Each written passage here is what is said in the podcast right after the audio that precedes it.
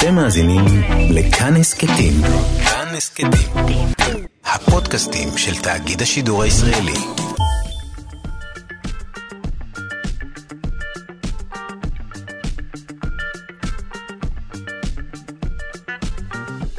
שלושה שיודעים. שלום לכם, האם גישה חדשה תסייע להילחם בתסמונת ה-X השביר? חוקרים מאוניברסיטת MIT פיתחו אסטרטגיית טיפול חדשה בתסמיני תסמונת ה-X השביר, הפרעה שעשויה לגרום למוגבלות שכלית התפתחותית וגם לאוטיזם. מיד כל הפרטים. שוב שלום לכם, אנחנו שלושה שיודעים בכאן תרבות, תוכנית המדע והידע של ישראל. אני דודו ארז ואנחנו עם כל המחקרים, כל הפיתוחים המדעיים והטכנולוגיים וכל מה שבאמת מעניין לדעת. אנחנו משודרים בכל יום ב-7 בבוקר ובשידור חוזר ב-7 בערב במשך שעתיים. שעתיים. ובשעה הזו נעסוק בין היתר בשאלה מה גורם למחלות אוטואימוניות. שימו לב, מדעני מכון ויצמן אה, למדע מציגים מודל שמסביר מדוע המערכת החיסונית תוקפת את הגוף, איברים ספציפיים או מערכת שלמה. וגם, נמצא מתג כיבוי אחד לכמה מרכזי כאב במוח, מין מפסק שאם מכבים אותו או עוצרים את הפעילות שבו, נעצרת הפעילות בלמעלה מתריסר מרכזים שאחראים לכאבים, מין שלטר שעוצר את הכאבים, וגם מסכה שמחטאת את עצמה, מסכת הגנה מפני נגיף קורונה שמחטאת את עצמה לשימוש חוזר באמצעות חשמל. הפיתוח הזה הוא של הטכניון, מיד נדבר עם מי שפיתח את המסכה הזו. וגם חלל, שימו לב, ארצות הברית חוזרת לשיגורים מאוישים מאדמת ארצות הברית, וזה קורה כבר מוחרתיים. מיד כל הפרטים על הטיסה לחלל ביום רביעי. וגם, אם סבא שלכם שונא את כולם, זה אומר שהוא יחיה הרבה. מחקר חדש קובע שיש קשר בין רמת הנרגנות של בני האדם בגיל מבוגר לבין אה, אורך החיים שלהם. האורך שלנו הוא רז חסון המפיקאי אלכסנדר לויקר, לביצוע הטכני די.ג'י אלון מקלר. תודה רבה ליגאל שפירא שמלווה אותנו. נזכיר לכם שאפשר להאזין לשלושה שיודעים גם כהסכת בכל זמן ובכל מקום באמצעות היישומון של כאן. אנחנו גם בספוטיפיי וגם באפל. בואו נתחיל.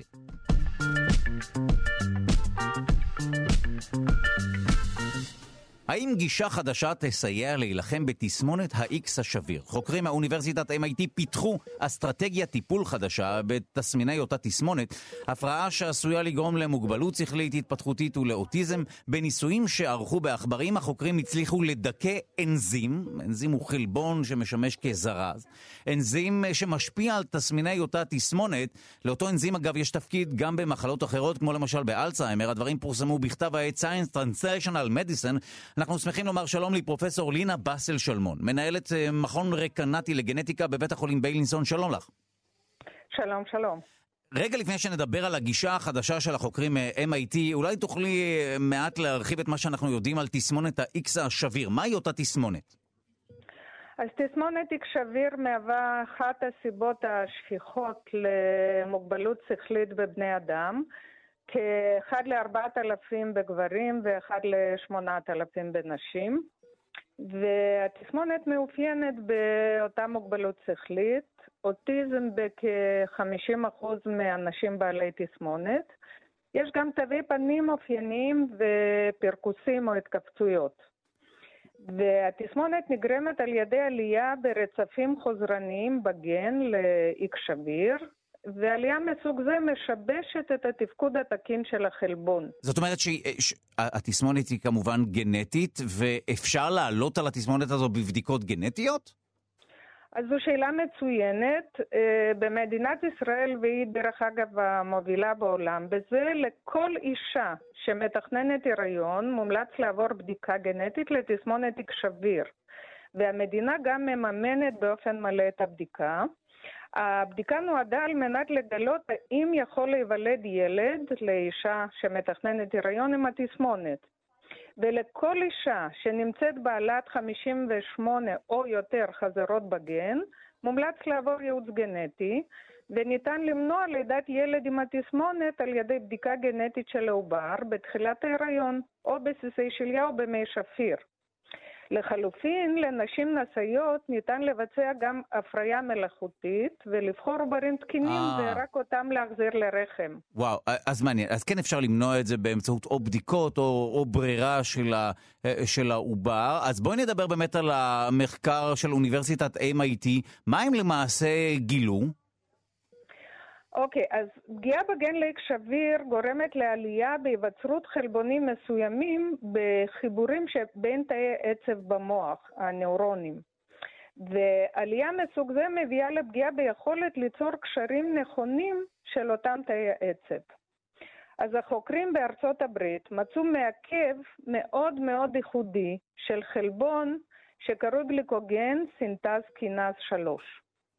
עכשיו, בתסמונת תיק שביר קיימת פעילות יתר של החלבון הזה במוח. ובמודל עכבר, מתן של התרופה הזאת, של המעכב, מאוד מאוד ייחודי של החלבון, שדרך אגב, התרופה מכוונת רק נגד חלק מסוים של חלבון, על מנת לגרום לפחות תופעות לוואי. ובעצם המתן של התרופה יכולה להוריד רגישות לרעש חזק, וכך להקטין את כמות ההתכווצויות או הפרכוסים שנגרמות על ידי רעשים, ואף אולי להוריד הופעת התכווצויות בכלל. אה, זאת אומרת. ש- שהתרופה הזו היא לא מונעת כמובן את התסמונת, אלא אה, אה, איכשהו מצליחה לבטל או לצמצם את הסימפטומים, את התסמינים עצמם של מי שלוקה בתסמונת הזו. נכון מאוד, mm. ושוב, מדובר עדיין רק בעכברים. Uh, החוקרים גם הראו כי מתן של המעכב משפר את הזיכרון. Uh, אבל מאוד חשוב להבין שקרוב לוודאי גם במחקר הזה אנחנו רק מטפלים בסימפטומים, מקלים על סימפטומים, אבל הרבה מאוד נזק, כמו בהרבה מאוד תסמונות אחרות, נעשה כבר לפעמים בחיים עובריים אפילו, או סמוך ללידה, ולכן בתסמונות נדירות הטיפולים הם נדיר מאוד שמרפאים את המחלה לחלוטין. זאת אומרת, זאת אומרת שקשה... ולכן המניעה היא הדבר הכי חשוב. אוקיי, אז uh, זאת אומרת שהנכון זה כמובן למנוע את זה, ושוב, אנחנו מדברים על בדיקות הריון וברירה של עוברים וכולי, כי כן אפשר לגלות את התסמונת הזו או לעלות עליה מראש אם עורכים בדיקה גנטית. אבל את אומרת שאי אפשר לרפא אותה, אז כאן יש דוגמה לטיפול שיכול אה, קצת להקל. אנשים שסובלים כמובן נכון מהתסמונת, מאוד. אז הטיפול יכול אה, להקל באמת על הסימפטומים, על התסמינים של התסמונת, אבל קשה לרפא באמת תסמונת גנטית זו או אחרת. נכון, ושוב צריך לזכור שמדובר רק בניסוי בעכברים, וכבר היו כמה ניסויים מוצלחים אפילו בתסמונת תיק שביר בעכברים, שלא הוכיחו את היעילות בבני אדם. אז גם פה יש לנו דרך ארוכה בין הניסוי הזה לבין באמת תקווה לתרופה שתשפר באופן משמעותי את התסמינים של התסמונת. וואו, עכשיו אה, ברשותך נתייחס לעוד משפט שהופיע שם במחקר, שהאנזים הזה קשור גם למחלות אחרות, כמו למשל אלצהיימר. איך החלבון הזה אה, משפיע על המוח שלנו, ומדוע הטענה היא שהוא באמת קשור למחלות, אה, שוב, אחרות שקשורות לתאי עצב במוח? בדרך כלל אין לנו תשובה אחת ברורה לשאלות על מנגנוני מחלות אה, נאורולוגיות או אה, לקות שכלית. אה, החלבון הזה, כשהוא נמצא בעודף, הוא מפריע להידברות תקינה של תאי עצב, הקרוי סינפסות. אבל קרוב לוודאי גם ההבנה שלנו של מה בדיוק קורה שם היא מוגבלת. אנחנו בודקים חלבון אחד, יודעים שהוא עולה או יורד, אבל אנחנו לא תמיד יודעים איך זה משפיע על כל. Mm. משק החלבונים שמתרחש באותן אה, סינפסות או תאי עצב. זאת אומרת שכן אה, מצליחים לנטר את רמת החלבונים אה, שנמצאים במוח והאיכות שלהם וכולי, אבל לא תמיד ברור אם זו גם סיבה או תוצאה למחלות כמו אלצהיימר. נכון, ולכן הטיפול האידיאלי שאני יכולה לחשוב עליו זה טיפול שבו מתקנים את הגנים, למשל. או מתקנים אה, משהו מאוד מאוד מרכזי במסלולים ביולוגיים. אבל גם באלצהיימר למשל צריך לזכור שיש צורות גנטיות ויש צורות לא גנטיות. Mm. וסביר להניח שהמנגנון היווצרות המחלה הוא לא זהה בגורמים גנטיים שונים. כן, טוב, אנחנו שוב ושוב נתקלים ב... בשאלות האלה שמנסות אה, לקשור חלבונים שמוצאים במוח לכל מיני מחלות, ניווניות. אה, וכולי, אבל כאן לפחות, אה, ואם נשוב למחקר עצמו, אז החוקרים אה, פיתחו איזושהי, לא נאמר תרופה, אבל סוג של טיפול שיכול להקל עבור מי שסובל מתסמונת ה-X השביר, זה יכול להקל על הסימפטומים שהוא חווה. נכון, ומה שחשוב, אולי יש תקווה שהתרופה הזאת היא פחות מזיקה מתרופות אחרות mm. שניסו אה, בהשפעה על החלבון הזה, כי יש לה פחות תופעות לוואי מכיוון שהיא רק משפיעה על חלק מאוד מאוד מסוים של החלבון, אה, וזה מקטין את התופעות לוואי. אז הנה גם למדנו מהי תסמונת ה-X השביר, וגם הבנו שכמובן מניעה זו הגישה הטובה ביותר. מי שכבר כמובן לוקה בתסמונת הזו, צריך לשפר את איכות חייו, בין היתר באמצעות הטיפול הזה, שנמצא כרגע רק אה, בשלבים של אה, בדיקות וניסויים בעכברים. תודה רבה לך, מנהלת מכון רקנטי לגנטיקה בבית החולים ביילינסון, פרופ' לינה באסל שלמון, תודה רבה. תודה לכם, יום טוב.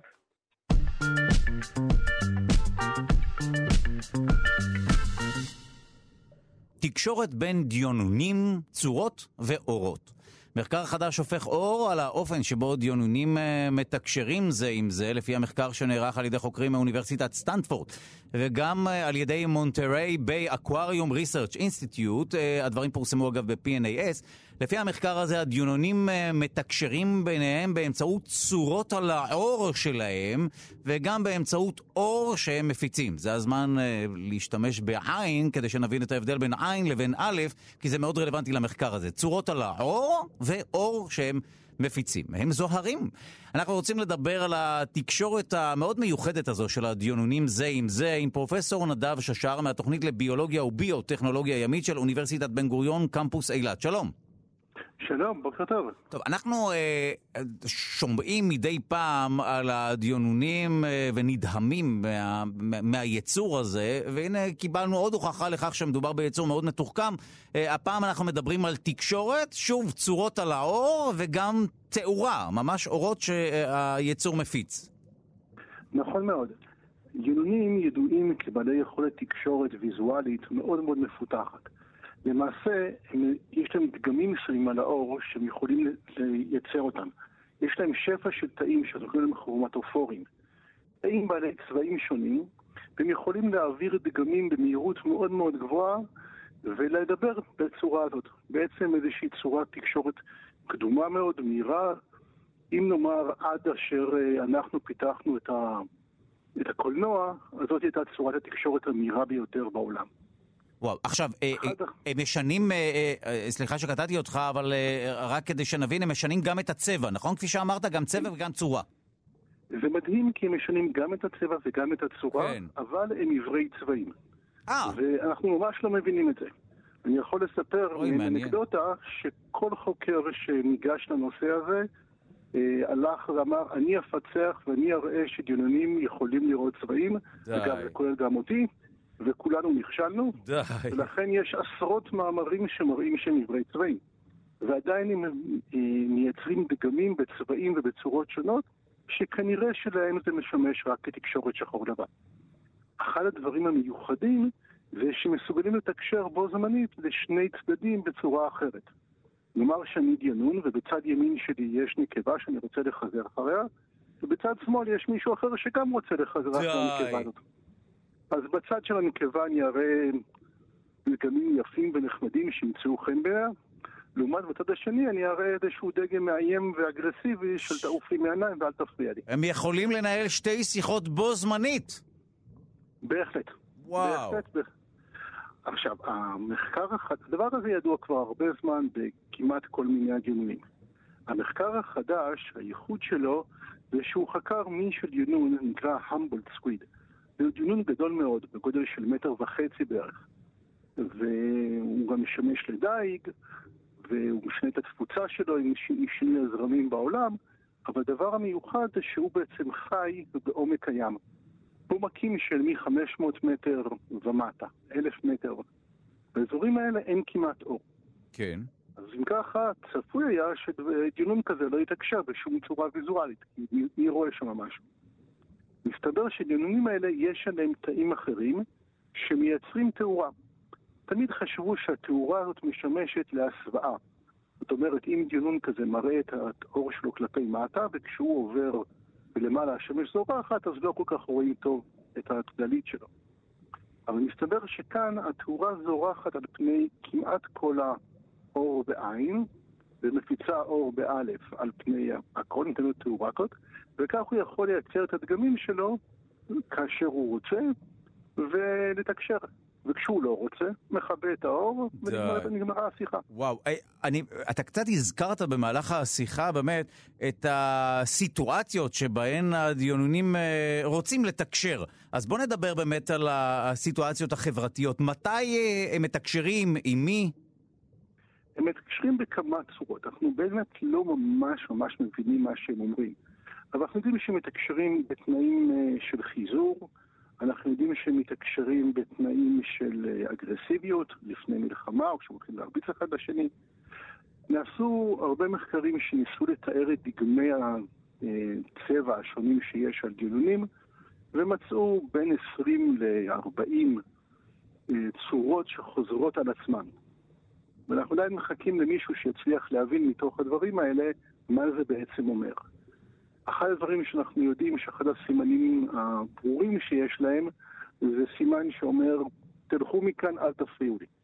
עכשיו, הסימן הזה מופיע בכמה מקרים. מקרה אחד זה כאשר הם צדים טרף, הם לא רוצים שמישהו אחר יפריע, אבל מקרה, מקרה אחר זה ממש לפני שהם עושים סקס. שהם גם mm. כן נמצאים בלהקה והם לא רוצים שכל החבר'ה ייתנו להם עצות. וואו, שמע, די uh, מדהים, היצורים האלה לא מפסיקים להפתיע, ואתה אומר שמתקשרים באמצעות לא רק אור, אלא uh, דוגמאות על האור ושינוי צבעים, למרות שהם עברי צבעים. זה לדעתי הכותרת האבסורדית ה... שאפשר לחלץ מהשיחה, בין היתר. זה אחד האבסורדים. ייתכן שהדגמי צבע האלה, משתמשים אותם גם להסוואה. כלומר, mm. יש בעלי חיים אחרים שהם לא רוצים שיראו אותם. אבל בדברים משתמשים בדגמים האלה גם בזמן תקשורת, זה דבר שלא ידוע לנו. וואו, טוב, תודה לך על השיחה המרתקת הזו. פרופסור נדב ששר מהתוכנית לביולוגיה וביוטכנולוגיה ימית של אוניברסיטת בן גוריון, קמפוס אילת. תודה לך. תודה לך.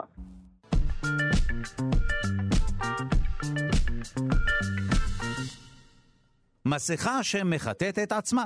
מסכת הגנה מפני נגיף קורונה המחטאת את עצמה לשימוש חוזר פותחה בטכניון. המסכה שמחטאת את עצמה פותחה במעבדה של פרופסור יאיר עין עלי, דיקן הפקולטה למדע והנדסה של חומרים בטכניון, מה שכן, צריך מטען של טלפון לכל העניין הזה. שלום לך פרופסור יאיר עין עלי. שלום דודו, מה שלומך? בסדר, אנחנו אה, קודם כל נשמח ללמוד על המסכה הזו ועל הפיתוח, ששוב, אני קצת לחוץ כשמשתמשים במטען של הטלפון, כי זה אומר שמישהו ייקח לי את המטען ואז אני אמצא את עצמי ללא סוללה, אבל בוא נתחיל מהדבר עצמו. בבקשה. אה, בגדול, הרעיון הוא פשוט אה, עד כדי כך שהייצור של המסכות הרגילות, התהליך שאנחנו מכוונים אליו, אמור להיות חלק מתהליך ייצור מסכות. המסכות לא מיועדות לשימוש המוני כמו המסכות החד פעמיות, אנחנו מדברים על מסכות לצוותים רפואיים, צוותי הצלה, כאלה שצריכים את המסכות של N95 ומעלה. ש, שמה היתרון אגב בהם? זאת אומרת, מה ההבדל המהותי ב, בין המסכות האלה למסכות הפשוטות יותר? המסכות הפשוטות מורכבות מאריג אחד ויחיד שאמור למנוע נטז, בעוד שהמסכות mm. לצוות הרפואי אמורים, הם אה, בנויים משכבות לפחות שלוש-ארבע שכבות, באמצע יש שכבה פחמנית שלמעשה סופחת אליה את כל המזהמים ומונעת החדרה לנשימה שלנו, לגוף למעשה. זאת אומרת שהמסכות שאנחנו משתמשים בהן ביום-יום בעיקר מונעות הדבקה של אנשים מחוץ לגופי, זאת אומרת לא, לא עבורי, נכון, בגדול. נכון. נכון, מונעות בדיוק. אה, השפרצה שלי את הנגיף החוצה, אבל פחות כניסה של הנגיף אליי. פחות או יותר זה נכון. כן. המסכות היותר יקרות בשוק של N95 ומעלה, N99 אפילו, הם אלו שאמורות לעשות את ההגנה על הצוות הרפואי מפני חולים בסביבה, בבתי חולים וכדומה. זה נכון. אוקיי, okay, אז עכשיו אנחנו מדברים על uh, מסכה שתשמש ככל הנראה באמת צוותים רפואיים, אז מהי הטכנולוגיה שחבויה באותה מסכה? איך היא פועלת? ובכן, המסכה הרגילה מורכבת ממספר שכבות שאמורות, כל שכבה אמורה לעשות מעין אה, שכבת הגנה וחיץ בין הגוף הנושם לבין הסביבה החיצונית, כאשר הרכיב המרכזי שם זה הפיזור של אה, פחמן אקטיבי, שאמור אה, למעשה לספוח ולנטרל את הווירוסים, חיידקים או כימיקלים שנמצאים באוויר. פחמן אותו יסוד שאנחנו... אנחנו, אנחנו אה, בעצמנו מורכבים מפחמן, אותו יסוד שאנחנו מכירים מהטבלה המחזורית, C וכולי, הוא זה שסופח, בדרך כלל גם משתמשים בו לסינון, טיהור וכולי, הוא זה שסופח נכון. את הנגיפים. נכון, בדיוק. זה פחמן פעיל שהוא למעשה נקבובי ואקטיבי, בצורה כזאת הוא mm. סופח את הכימיקלים, רעלים, וירוסים וחיידקים, ומונע את כניסתם לגוף שלנו. אבל כאן נכנס לתמונה עניין החשמל. נכון. נכון, נניח לרגע שהשתמשת בו, וכל הרעיון של החשמול לעשות מסכה חשמלית נבע מתוך זה שקיבלתי משלוח מ-UPS, משליח, ואני מסתכל על המסכה שלו, N95, והמסכה מלוכלכת. ואני שואל אותו, כמה זמן כבר אתה משתמש במסכה? עכשיו, אני, אה, לא היה לי בכלל רעיון אה, לחשוב על מסכות, ואז הוא אומר לי, ארבעה ימים, ויש לי עוד יומיים להשתמש. עכשיו, אה, רוב הציבור לא מודע לזה שמסכות, אפילו לצוותים רפואיים, צריכים להחליף אותם אחרי מספר שעות של שימוש, כי סך הכל יש גבול לכמה המסכה יכולה לצפוח, ואז היא נופכת ללא יעילה. ואז פשוט אה, בא הרעיון הזה שאולי אה, נחמם. עכשיו, לחמם בתנור זה אפשרי, אבל לצוות רפואי שנמצא בבית חולים, אה, אין תנור זמין מתחת, או מיקרוגל, או מה שלא יהיה מתחת לידיים, כי מיקרוגל גם יהרוס את המבנה הפולימרי של המסכה. רגע, החימום עצמו, מה עושה? הוא מחטא את המסכה? החימום עצמו אמור להרוג כל וירוס שנמצא ולסלק אה, חיידקים ולהרוג אותם. זה mm. וירוסים וחיידקים. אז מה שעשינו בשלב ראשון זה קודם כל ללמוד את הספרות המקצועית, מה קוטל וירוס ומה הטמפרטורה שבה אה, הוא מת, וירוס הקורונה דווקא. אני אשמח לדעת מה המידע, בבקשה. 65 מעלות, מעל רבע שעה, והווירוס אה, נקטל ממשטחים. ואז מתגלגל הרעיון, פשוט אה, אולי לחמם. ולחמם בתנור זה נכון, זה אפשרי, הבעיה היא שאין לך שליטה על הטמפרטורה כל כך, ברמות ברזולוציות של מספר מעלות בודדות של חמש מעלות. דבר שני, אה, אתה לא יכול להמציא לצוות רפואי תנור בכל מקום שיהיה, ולכן אה, הסתכלנו על המטען של הטלפון הסלולרי, ואתה יודע שזה זרם של 2 אמפר, זה מתח של 5 וולט, ויש לי 10 ואט. זה ההספק.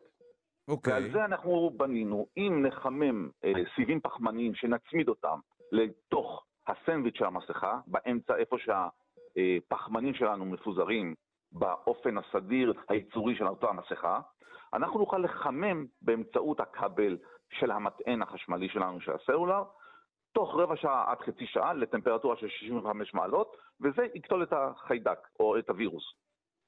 אבל אנחנו, המסנן הפחמי זה... עצמו לא נסתם? זאת אומרת, זה לא פועל כמו מין מסננת כזו שהחורים בה נסתמים? אה, אה, או, או, בדיוק זה. עכשיו, אנחנו בבדיקות שלנו עד היום הראינו שבמספר מחזורים של חימומים שכאלה, למעשה אתה יכול, עד עכשיו בדקנו עשרה מחזורים ויותר, והרעיון הוא שלמעשה אתה גורם להרג, ובגלל ששטח הפנים של הפחמן הוא כזה גדול, אתה יכול עדיין להמשיך בהפעלה של המסכה באופן סדיר. כמה מחזורים אנחנו יכולים לעשות עם זה, אנחנו לא יודעים כרגע. אנחנו הגענו mm. לעשרה מחזורים שכאלה, תזכור שאנחנו לא עבדנו עם וירוס הקורונה עצמו, אלא וירוס מדמה. ובווירוס מדמה מתברר שב-65 מעלות בחימום של רבע שעה עד חצי שעה, אכן אנחנו הורגים את הווירוס. אנחנו לקחנו וירוס באמצעות שיתוף פעולה עם פרופסור בז'ה ולינדל מהפקולטה לביולוגיה, שהם הווירולוגים והמיקרוביולוגים, והם בדקו שווירוס, המטרה שלנו זה וירוס שקוטל אצות במי ים למעשה, והוא דומה במבנה שלו, הממבריאני, הממברנה שלו, לזה של וירוס הקורונה. אין לנו את היכולת לבדוק על קורונה אמיתי, כי רק למכון הביולוגי בנס ציונה יש את זה כרגע, והם עובדים על זה, אבל וירוס מדמה זה עובד טוב.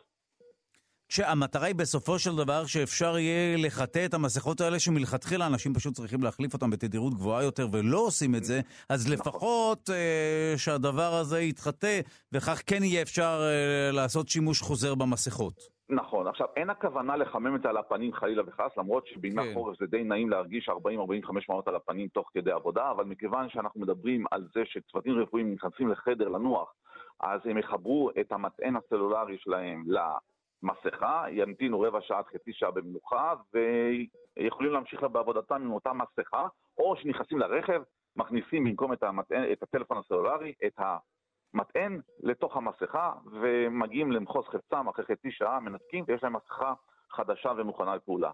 אין הכוונה לחמם את הפנים חלילה וחס, כי זאת לא המטרה.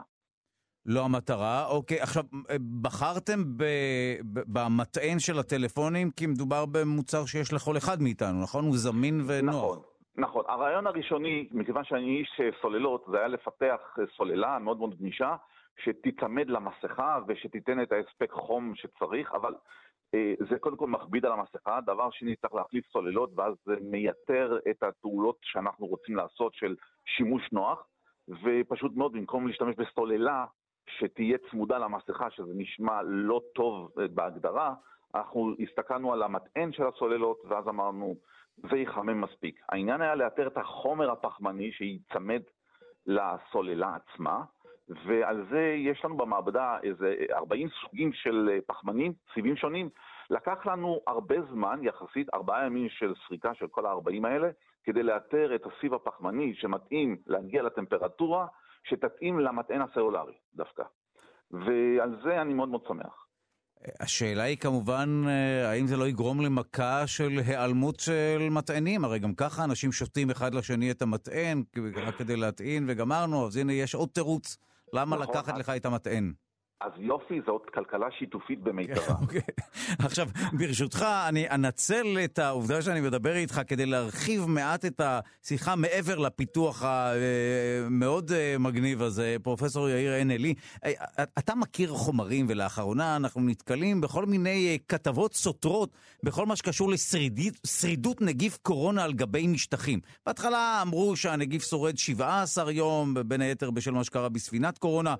אחר כך נתקלנו בכתבות... כתבות שאומרות שלא, הנגיף שורד פחות. כמי שמכיר חומרים, מה דעתך בעניין הזה? האם באמת נגיף קורונה מסוגל לשרוד ימים ארוכים על גבי משטחים?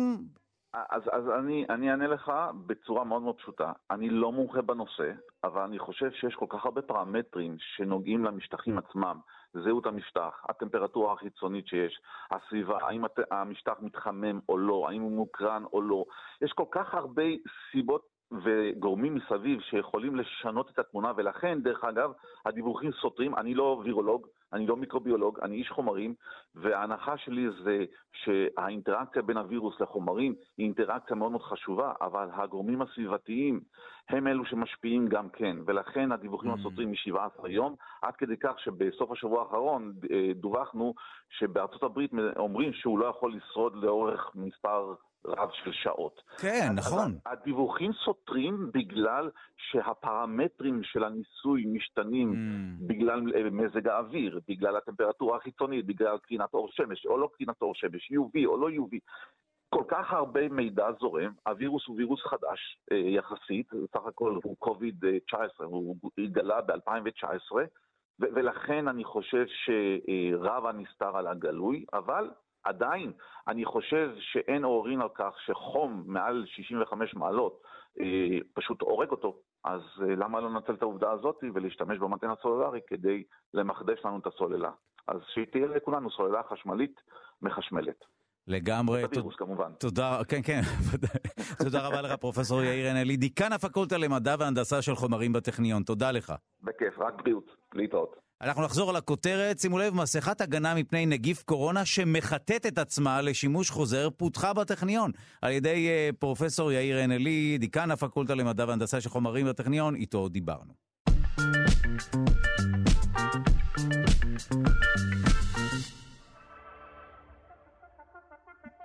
ועכשיו לפינה נפלאות המוח שלנו, אנחנו רוצים לומר שלום לדוקטור נוער בלדה ממרכז סגול למוח ותודעה, המרכז הבינתחומי הרצליה. שלום לך. שלום דודו, מה נשמע? והפעם נדבר על מחקר מאוד מסקרן שלפיו סבים וסבתות נרגנים מוגנים יותר מפני מחלת האלצהיימר. מחקר מאוניברסיטת ג'נבה מאוד מסקרן. מה זה אומר שעדיף להיות אה, מבוגר רוטן?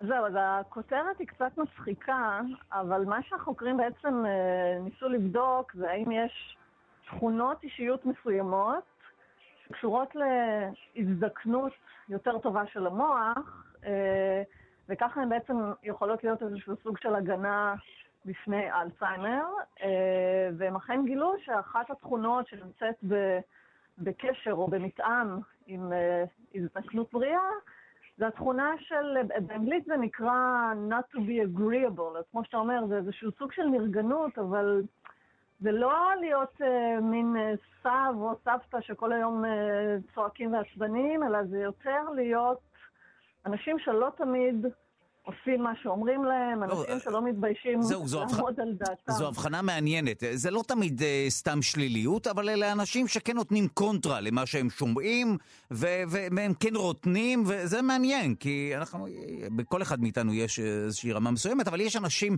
שבאמת יותר מתמסרים לאחרים ולמציאות, ויש כאלה שהם אומרים, לא, אה, זה גרוע וזה לא טוב, ואני... ודווקא הם מקבלים איזשהו פס בכל מה שקשור למוח. נכון, אז מה שהחוקרים אומרים זה שהאנשים האלה התגלו כאנשים שהם פחות קונפורמיסטים, אנשים שהם יותר אינדיבידואליסטים, אנשים שיותר עומדים על דעתם, והם מפרשים את זה, מנסים להסביר את הקשר בזה שאם אתה קונפורמיסט, ואם אתה לא נרגן, ואם אתה תמיד עושה רק מה שאומרים לך, הרבה פעמים אתה תוותר על טובתך האישית בשביל לרצות אנשים אחרים, כי אתה רוצה כל הזמן להיות בסדר. ודווקא התכונה הזאת של מדי פעם להגיד, לא, אני לא רוצה לעשות מה שאתם אומרים לי, אני לא רוצה להקשיב לכם, היא בהיבט הזה תכונה טובה. תכונה נהדרת ושווה לגלות את סוד הקסם של אה, לא תמיד להסכים עם מי שנמצא לידך ולא תמיד לזרום איתו. זה בסדר גמור. הנה, גם מקבלים צ'ופר בערוב ימיך. נכון מאוד, נכון מאוד. מאוד מסקרן, ואנחנו כמובן מכירים את הארכיטיפ המבוגר הנרגן, והנה, הוא כנראה יחיה יותר. אולי אנחנו גם מכירים דוגמאות כאלה מהחיים שלנו. טוב, זה אכן אה, מחקר משעשע ומרתק. תודה רבה לך, דוקטור נועה בלדה, על הדברים. תודה. בבקשה.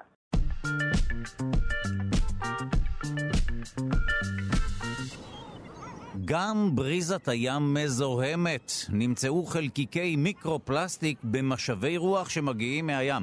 שימו לב, מחקר אה, חדש שנערך על ידי מדענים מסקוטלנד וצרפת מראה שרסיסי מי ים מכילים חלקיקי פלסטיק זעירים, מיקרו-פלסטיק. כשהפסולת אה, מגיעה לאוקיינוס, הכוונה היא לפסולת הפלסטיק, הפלסטיק מתפרק למיקרו-חלקיקים בתוך מי האוקיינוס, והזיהום למעשה חוזר בחזרה דרך בריזת הים. הדברים אה, פורסמו בכתב העת פלוס וואן. נזכיר שמדי שנה 360 מיליון טונות של פלסטיק מיוצרים ברחבי העולם, ועשרה אחוזים אה, מגיעים בסופו של דבר לאוקיינוסים. אה, שלום לדוקטור נועם ונדר, העמית ממשק של האגודה הישראלית לאקולוגיה במנהל הפיתוח במשרד הפנים. שלום. שלום רב. אז uh, המעוז האחרון שחשבנו שהוא לא מזוהם, הבריזה, זהו. גם נכון. הבריזה מזוהמת. אז, אז, אז מה, מה אתה יודע על הבריזה המזוהמת הזו?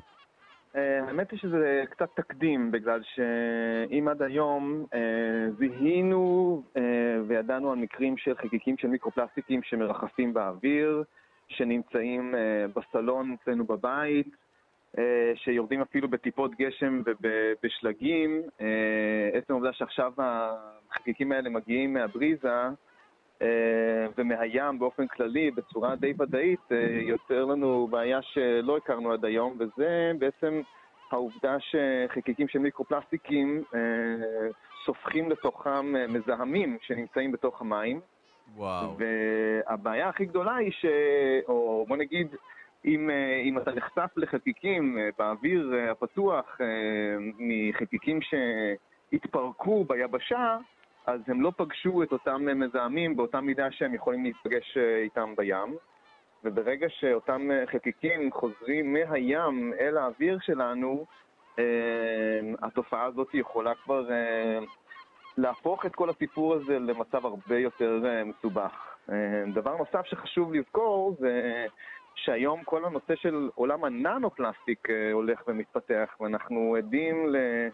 אה, ככל שהעיניים הבלתי מזוינות שלנו מצליחות לראות, אנחנו מזהים חלקיקים יותר ויותר קטנים של, אה, של פלסטיקים, שהם כבר לא מכונים מיקרו, אלא ננו כאמור.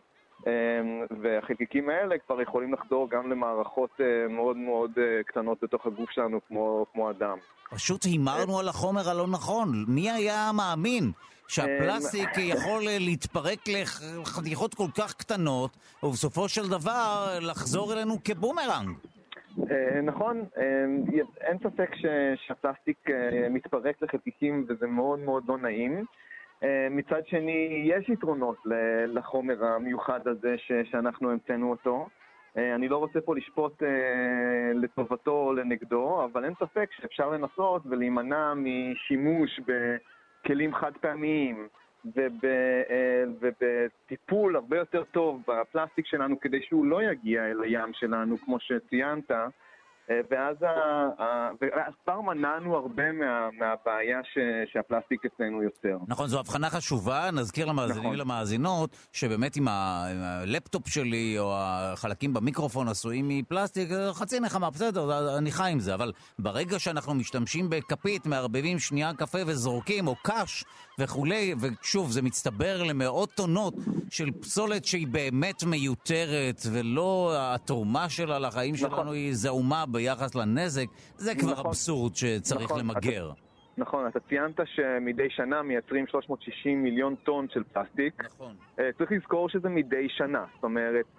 שנה שעברה יצרו כמעט 360, שנה הבאה יצרו כבר יותר מ-360, זה משהו שהולך ועולה כל הזמן. וואו. Uh, ומתוך ה-360 מיליון טון האלה, 40% הם לאריזות. Uh, וזאת נקודה שגם חשוב מאוד לקחת אותה בחשבון. אם אנחנו יכולים לנסות לצמצם את כמות האריזות שלנו, לחשוב על דרכים יותר אה, ידידותיות, אה, להעביר דברים בלי, כל, אה, בלי שכל כלי קטן יהיה צריך להיות ארוז בשלוש שקיות נפרדות, אז אנחנו גם פותרים הרבה מאוד מהבעיה. זאת נקודה מאוד מאוד חשובה שגם כדאי מאוד לחשוב עליה. אז, אז גם הבריזה מזוהמת. כן.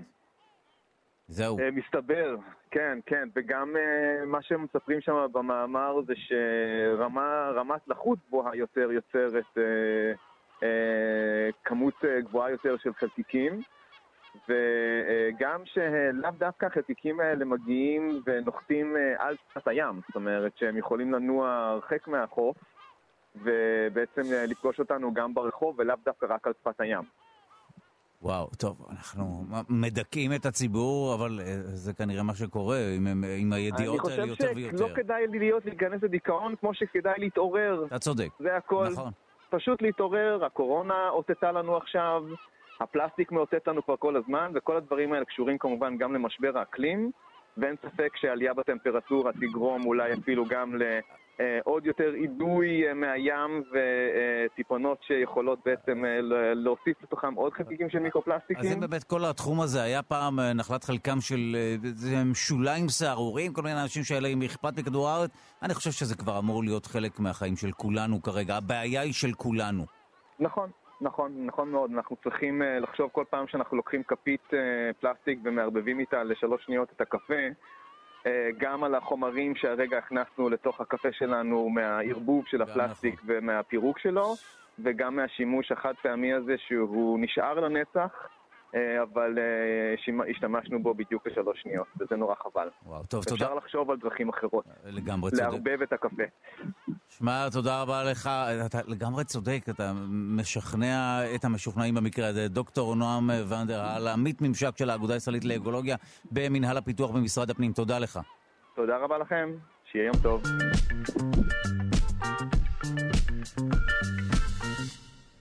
לוחמי האקלים נגד מייקל מור. הסרט כוכב בני האדם של מייקל מור והבמאי ג'ף גיבס מציג אה, תמונה מעוותת ומניפולטיבית של המאבק בשינוי האקלים ומספק תחמושת למכחישי בעיית האקלים וראשי תעשיית הנפט, הפחם והגז.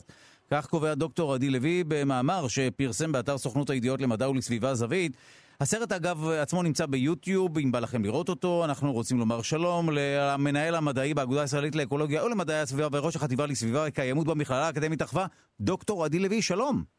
שלום, בוקר טוב. טוב, אנחנו נשמח, אה, אתה אמור להתייחס לדברים שאתה בעצמך אמרת, אז בוא פשוט תסביר לנו מדוע יצאת נגד הסרט. אוקיי, אז הסרט... אה, הסרט עצמו אה, נפתח בעצם לצפייה חינם במהלך אה, מגפת הקורונה, במהלך חודש אפריל, למשך חודש.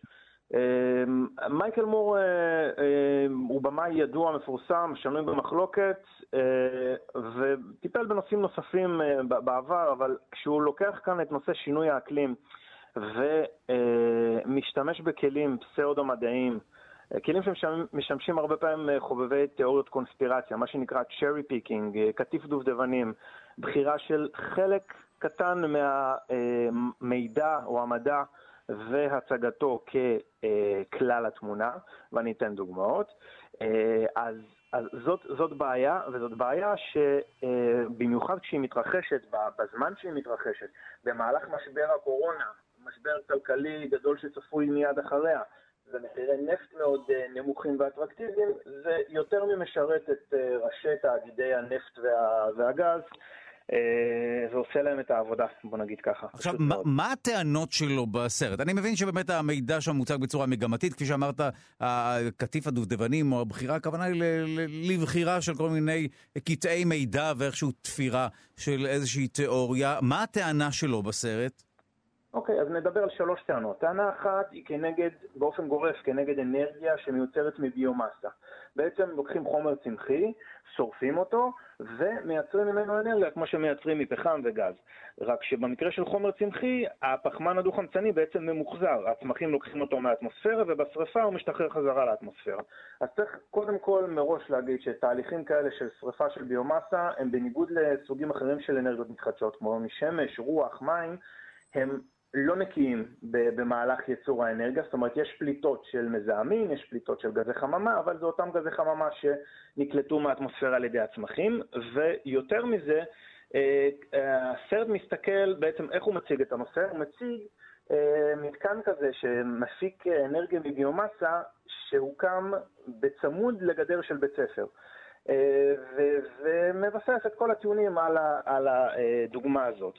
עכשיו, אנרגיה מביומאסה זה תחום שמצד אחד מתחיל מהפקה של אנרגיה מגידולים חקלאיים כמו תירס וקנה סוכר, שיש עם זה בעיה רצינית כי זה מייקר את מחירי המזון, זה מעלה את הביקוש לאותם מוצרים, מייקר את מחירי המזון, פוגע באוכלוסיות מוחלשות.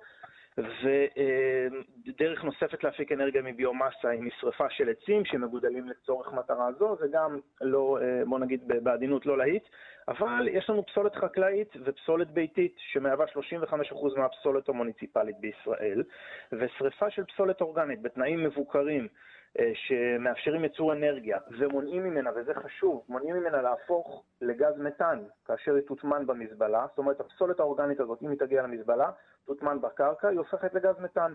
השרפה בעצם מונעת ממנה אה, לייצר את אותו, אותו גז מתאן. לגז מתאן יש אפקט פי 30 גדול יותר מאשר פחמן דו-חמצני על אה, שינוי האקלים. אז זו דוגמה אחת. דוגמאות okay. אוקיי. נוספות, אה, דוגמה נוספת מתייחסת אה, בכלל לטענה אה, מופרכת, שאולי הייתה נכונה לשנות ה-80, או אולי קצת אחרי, שאנרגיות מתחדשות כמו פאנלים סולאריים, אנרגיה טרמוסולארית, כמו שיש לנו באשלים, מתקן שמחמם בעצם עם מראות ומייצר קיטור באמצעות אור השמש, וטורבינות רוח, כולם מושקע בהם, על פי הסרט, מושקעת בהם יותר אנרגיה מאשר, או יותר אה, אה, פליטות של פחמן בייצורם ובהפעלתם, מאשר מה שהם מייצרים בעצמם לאורך כל ימי חייהם. עכשיו, הטענה הזאת היא לחלוטין לא מחוברת למציאות, בטח לא למציאות הטכנולוגית של השנים האחרונות. אה, קודם כל, חשוב להגיד שכיום כבר נסגרים מכרזים בישראל על אה, חוות סולריות גדולות בדרום במחיר של 8.7 אגורות לקילוואט שעה, זה כמעט שליש פחות ממחיר של אה, ייצור אנרגיה מגז. אז הטכנולוגיה התקדמה ומתקדמת עד כדי כך שזה כל כך זול כבר היום, וזה רק הופך להיות זול יותר. ואם מסתכלים על אה, מחקר, מחקר אמריקאי שוודי מ-2019, שהסתכל על EROI, זה בעצם uh, Energy Return on Investment, כמה אנרגיה אנחנו צריכים להשקיע בתהליך כזה של ייצור אנרגיה מאנרגיות מתחדשות וכמה אנחנו מקבלים בחזרה. אז היחס בדלקי מאובנים, בנפט וגז, נע בין 20 ל-50, והיחס באנרגיה מתחדשת, ב- לדוגמה בפאנלים סולאריים, מגיע ל-25. זאת אומרת, אנחנו אה, אה, מקבלים אה, פי 25 או 25 ל-1, אוקיי? 25 ל-1, לעומת מה שהשקענו, אנחנו מקבלים ייצור של אנרגיה. זאת אומרת, המאזן הזה הוא חיובי והוא חיובי באופן משמעותי מאוד, הוא אפילו דומה לחלק ממקורות האנרגיה המדלקי מאובנים, רק שכשאנחנו משתמשים באנרגיית השמש או ברוח, אז אנחנו לא פולטים מזהמים, אנחנו לא פולטים זיהום אוויר אה, שהורג בשנה 4.2 מיליון בני אדם מסביב לעולם. ואנחנו, בהקשר של אנרגיה סולארית, זה מאפשר ליישובים מבודדים, לאוכלוסיות מבודדות, לייצר לעצמם חשמל ולספק לעצמם מים נקיים לשתייה. משהו שחסר היום לכ-785 מיליון בני אדם בעולם, שסובלים מאי זמינות של מים נקיים לשתייה. אז זה, זה אה, פן שני ש, שבו עוסק הסרט. פן שלישי, רכבים חשמליים. הסרט, בסרט נטען שהרכבים החשמליים הם אה, בעצם תרמית, כי החשמל מגיע משריפה של נפט או פחם. כן, פשוט במקום אחר. נכון, כן. ולכן אין שום, אה, אין שום תועלת בהם. אז בואו בוא נפרק את זה לשניים.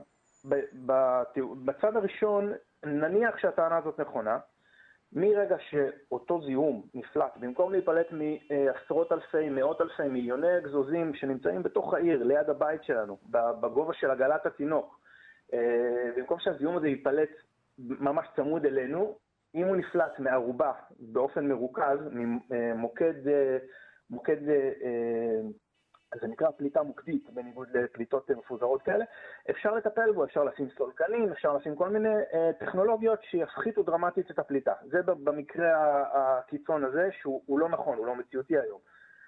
ושתיים, אה, כשאנחנו מסתכלים על המצב היום, אז אפילו בישראל אנחנו עד סוף השנה נגיע לכ-10% אנרגיות מתחדשות מכלל ייצור החשמל, ובעולם אה, אה, מדברים כבר על 30% ו-50%, ומסתכלים קצת קדימה, מדברים על 80% אפילו אנרגיות מתחדשות בעוד עשור או קצת יותר. ולכן הטיעון הזה פשוט לא מחזיק מים, כי ככל שנתח האנרגיות המתחדשות ילך ויגדל, כך החשמל שמגיע, או בעצם הוא מניע את הרכבים החשמליים, יהיה חשמל ירוק יותר, שלא מייצר זיהום, ורק נזכיר שזיהום אוויר באופן כולל, זיהום אוויר אה, שברובו, חלקו הגדול במרכזי הערים מגיע מתחבורה, הוכר ב-2013 על ידי סוכנות, הסוכנות הבינלאומית לחקר הסרטן כמסרטן ודאי. זאת אומרת, כמו פורמלין, כמו אסבסט, כמו חומרים רעים מאוד אחרים, זיהום אוויר זה מסרטן. ואם יש לנו רכבים חשמליים, תחבורה ציבורית חשמלית, אה, במרכזי הערים, אז אנחנו חוסכים את, ה, את הסיכון המאוד מאוד משמעותי הזה. אין ספק, אני, אנחנו ברשותך אה, נסתפק בדברים האלה, וזה באמת מעורר מחשבות. מה גורם לאדם אה, כמו מייקל מור והבמאי ג'ף גיבס באמת ליצור סרט כזה? לא, לא ברור מה, מה מניע את האנשים האלה, אולי מלבד הרצון אה, האינסופי לקונספירציות ולחתור תחת כל מה שנשמע הגיוני ונכון. טוב, תודה לך על השיחה הזאת, דוקטור עדי לוי, מנהל מדעי באגודה הישראלית לאקולוגיה, אלו מדעי הסביבה וראש החטיבה לסביבה וקיימות במכללה האקדמית אחווה. תודה לך. תודה, אני רק אגיד שפרובוקציה יוצרת uh, פרסום, זה נכון, ידוע, אין מה לעשות, אז צודק. תודה לכם ויום טוב. צודק לגמרי, תודה. אנחנו סיימנו את השעה הראשונה מתוך שתיים שלנו, העורך שלנו הוא רז חסון, המפיקה היא אלכסנדרה לויקר, לביצוע הטכני די.ג'י אלון מקלר, תודה רבה ליגאל שפירא שמלווה אותנו. אתם מוזמנים להאזין לשלושה שיודעים גם כהסכת בכל זמן ובכל מקום באמצעות היישומון של כאן, גם באמצעות ספוטיפיי ואפל.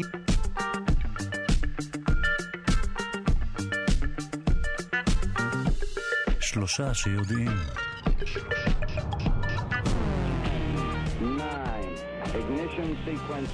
שלום לכם, ארצות הברית חוזרת לשיגורים מאוישים מאדמת ארצות הברית, וזה קורה כבר מחרתיים, מיד כל הפרטים על השיגור. שוב שלום לכם, אנחנו שלושה שיודעים בכאן תרבות, תוכנית המדע והידע של ישראל, שעה שנייה. אני דודו ארז, ואנחנו עם כל המחקרים, כל הפיתוחים המדעיים והטכנולוגיים וכל מה שבאמת מעניין לדעת. אנחנו משודרים בכל יום בשבע בבוקר ובשידור חוזר בשבע בערב במשך שעתיים, ובשעה הזו בין היתר נעסוק בשאלה מה גורם למחלות אוטואימוניות. מדעני מכון ויצמן למדע מציגים מודל שמסביר מדוע המערכת החיסונית שלנו תוקפת את הגוף. מיד מודל מעניין מאוד. וגם מורידים את השלטר של הכאבים. נמצא מתג כיבוי אחד לכמה מרכזי כאב במוח, מין מפסק, שלטר, שאם מכבים אותו, אז גם מכבים את הפעילות בלמעלה מתריסר מרכזים שאחראים לכאבים. וגם עין מלאכותית פותחה על ידי מדענים מהונג קונג. סטיב אוסטין תאכל אבק ועוד עניינים. העורך שלנו הוא רז חסון, המפיקה אלכסנדר לויקר, על הביצוע הטכני די.ג'י אלון מקלר, תודה רבה ליגאל שפירא שמלווה אותנו. נזכיר לכם שאפשר להאזין לשלושה שיודעים גם כהסכת. בכל זמן ובכל מקום באמצעות היישומון של כאן, אנחנו גם בספוטיפיי, גם באפל. מתחילים.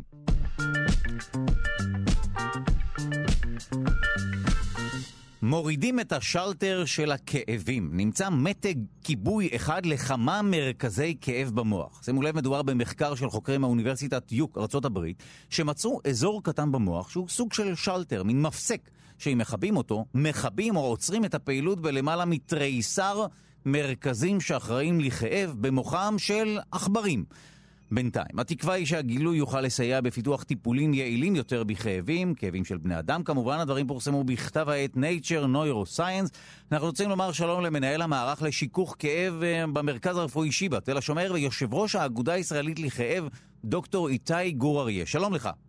שלום שלום, בוקר טוב. אנחנו uh, נשמח uh, ללמוד על אותו מקום במוח שאם מכבים אותו, אז בעצם מכבים עוד 12 מרכזי כאב.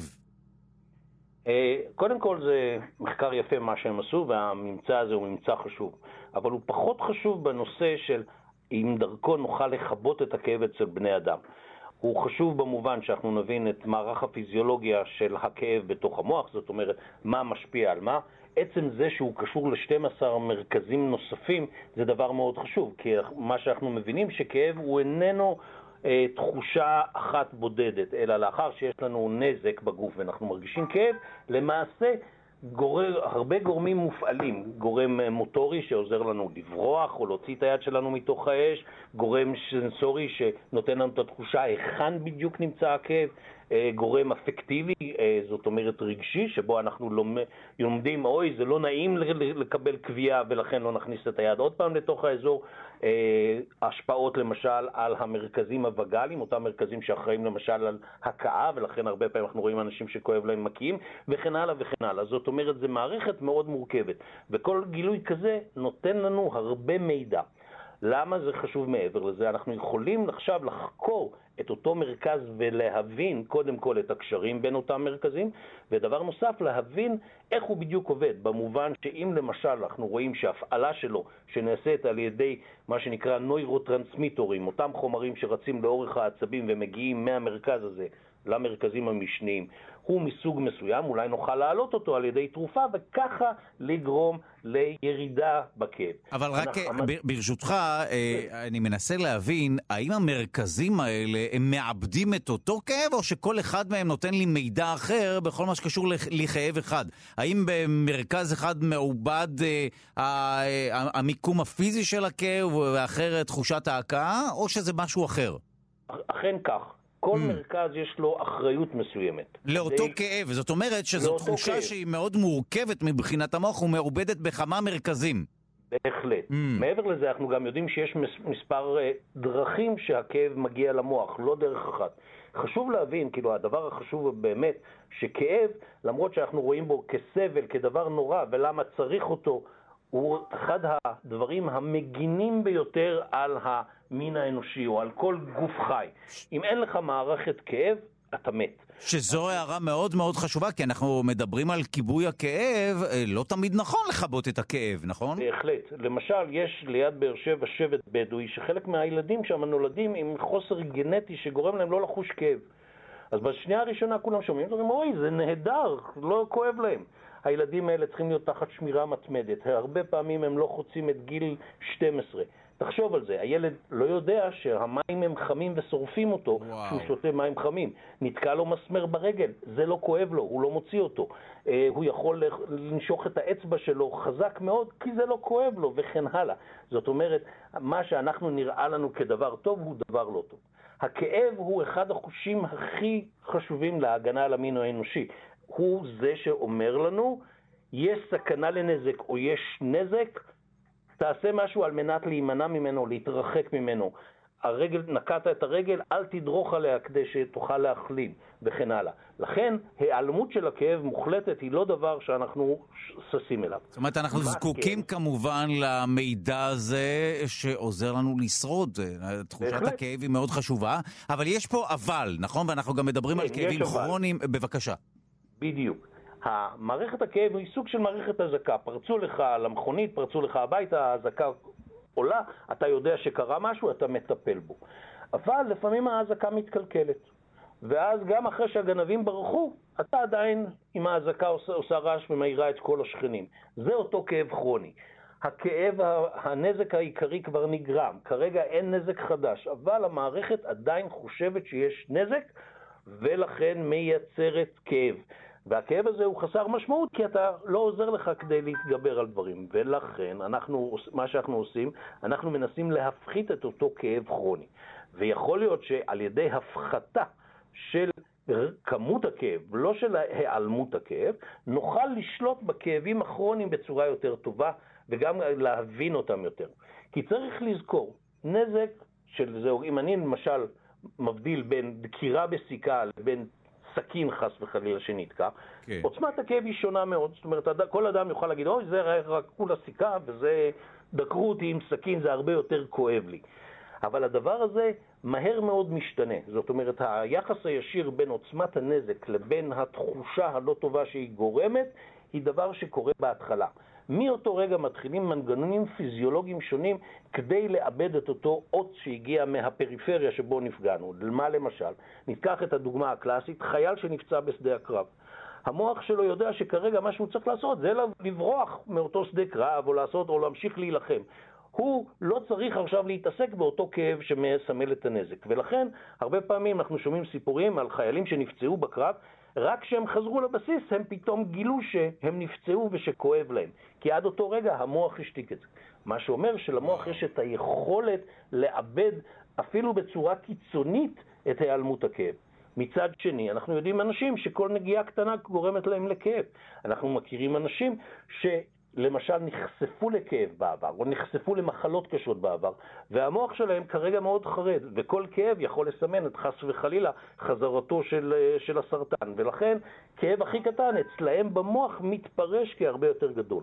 עכשיו, אנחנו מכירים את אותן תחנות, את חלקם של אותן תחנות לאורך המסלול.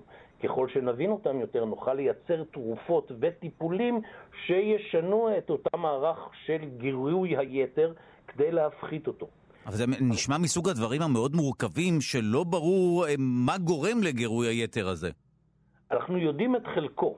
Okay. אוקיי. גירוי היתר באופן בסיסי בא על מנת לעזור לנו כ- כ- אה, כ- כיצורים להתגבר על הסיכונים של הסביבה. מה למשל כדוגמה? למשל, המוח הרי משתמש בכאב כסוג של חיישן חיצוני שבו הוא מנסה לשמור על הגוף שלא ייווצר נזק. אז למשל, אם אנחנו חותכים עצב, שנראה שאם נחתוך את העצב אז באזור הזה לא יהיה לנו כאבים, דבר שהוא נפלא. הרבה פעמים חולים שבאים אליי עם כאבים למשל בגב תחתון שמקרינים לרגל, אומרים לי, אז תחתוך את העצב ושלא יכאב לי כבר.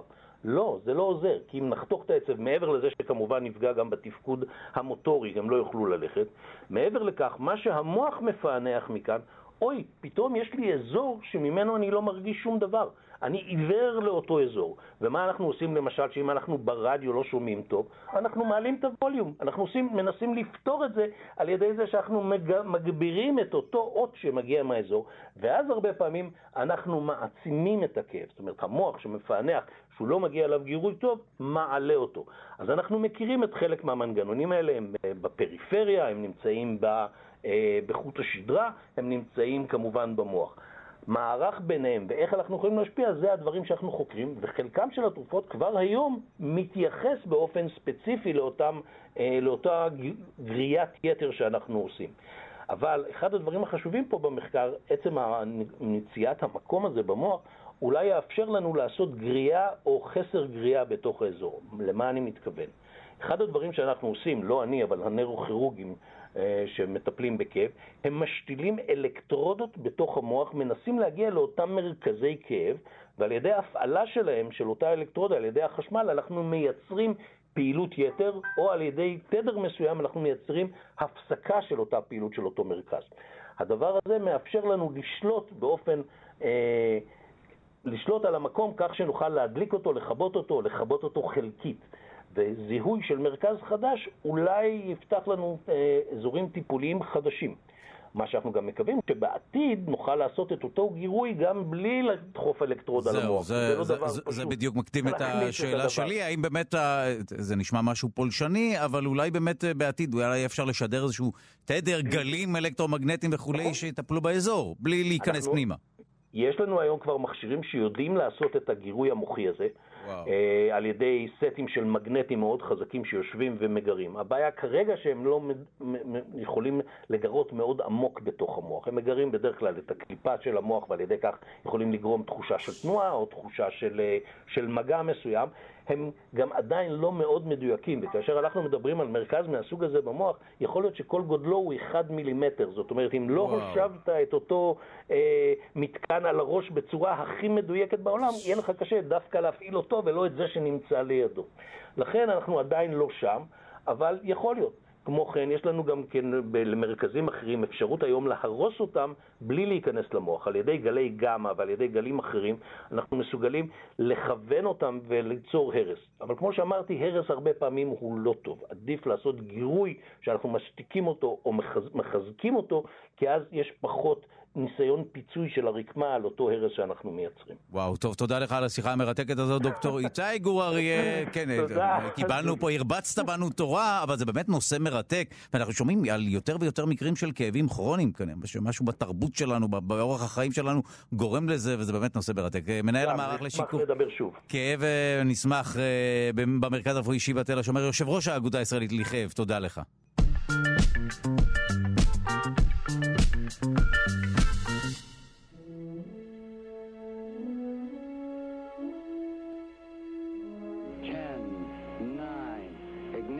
Sequence start. Six, five, four, three, two, one. ארצות הברית חוזרת לשיגורים מאוישים מאדמת ארצות הברית כבר ביום רביעי הקרוב, כן כן מחרתיים. בשבוע שעבר שני האסטרונאוטים הוותיקים, דאג הרלי ובוב בנקן, הגיעו למרכז החלל קנדי שבפלורידה לקראת טיסת מבחן בחללית של חברת ספייס איקס שתיערך מחרתיים ביום רביעי איזה מין טיול קטן לתחנת החלל הבינלאומית במסגרת המשימה דמו 2. אגב, אשתו של הרלי, שהיא גם אסטרונאוטית בנאסא, קרן נייברג שמה, העלתה תמונה מאוד מרגשת של האסטרונאוטים בדרכם מטקסס לפלורידה בטוויטר, אתם מוזמנים לעקוב אחריה. אנחנו רוצים לומר שלום לדיקן בית הספר לקיימות במרכז הבינתחומי הרצליה, חוקר האטמוספירה וחלל, פרופסור יואב יאיר. שלום לך. בוקר טוב, שלום דודו ולמאזינים. אז מה יקרה ביום רביעי? טוב, זה באמת רגע היסטורי, כי תזכור שהאמריקאים לא טסו לחלל בחלליות אמריקאיות מאז שהושבתה תוכנית מעבורת החלל ב-2011. זאת אומרת, אה, תשע שנים הם טסו עם חללויות רוסיות, עם סויוז.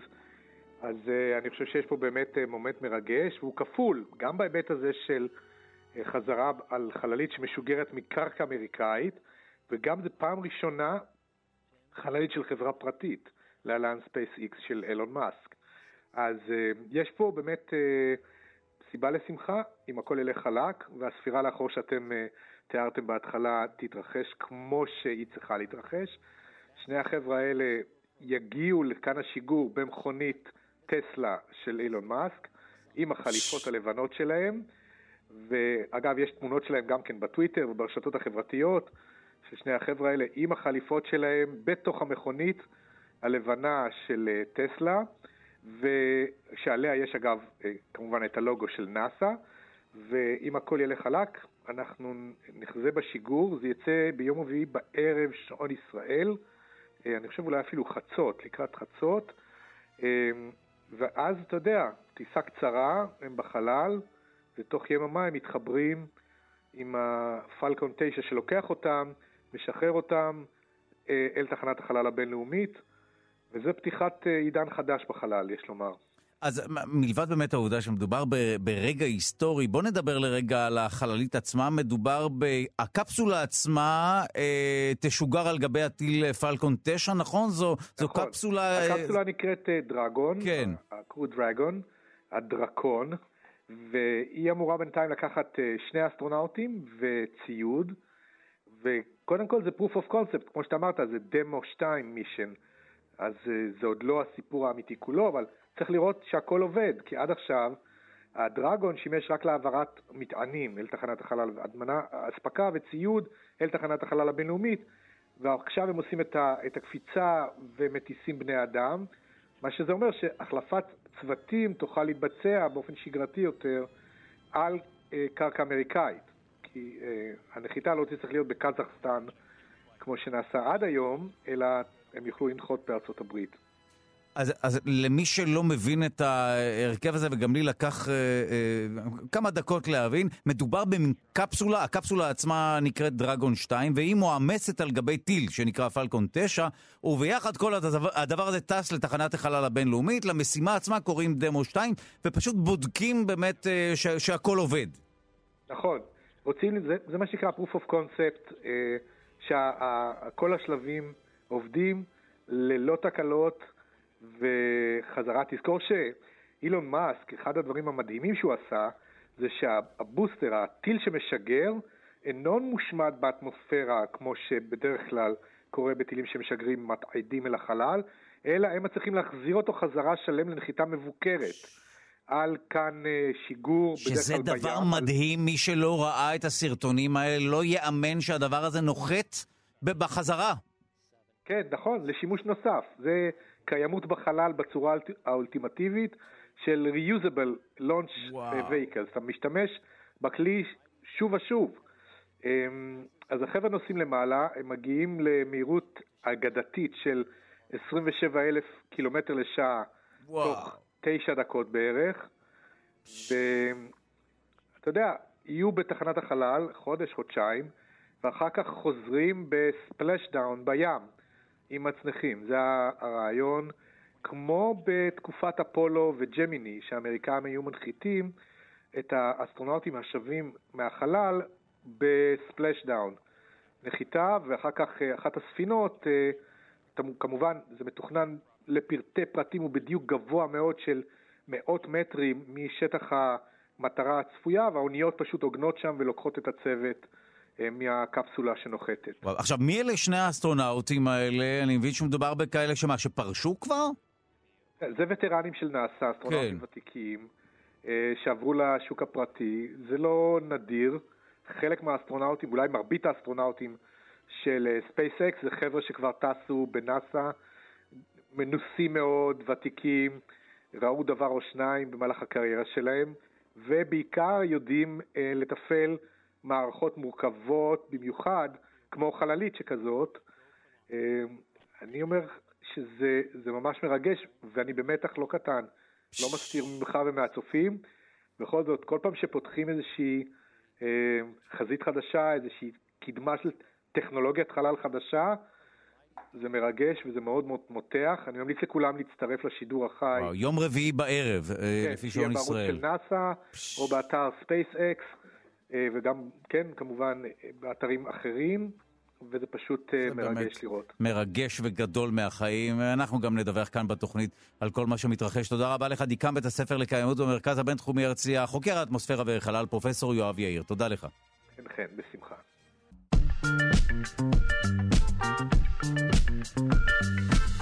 עין מלאכותית פותחה על ידי מדענים מאוניברסיטת הונג קונג למדע וטכנולוגיה. נסביר, העין האנושית היא מכשיר מורכב מאוד, איבר כמובן. תמונות נכנסות דרך עדשה מעוקלת שנמצאת בקדמת מבנה כדורי, עוברות דרך נוזל לפני שהן מגיעות לרשתית שרגישה לאור. והרשתית מעבירה את האותות לעצב הראייה והוא שולח את התמונות אל המוח.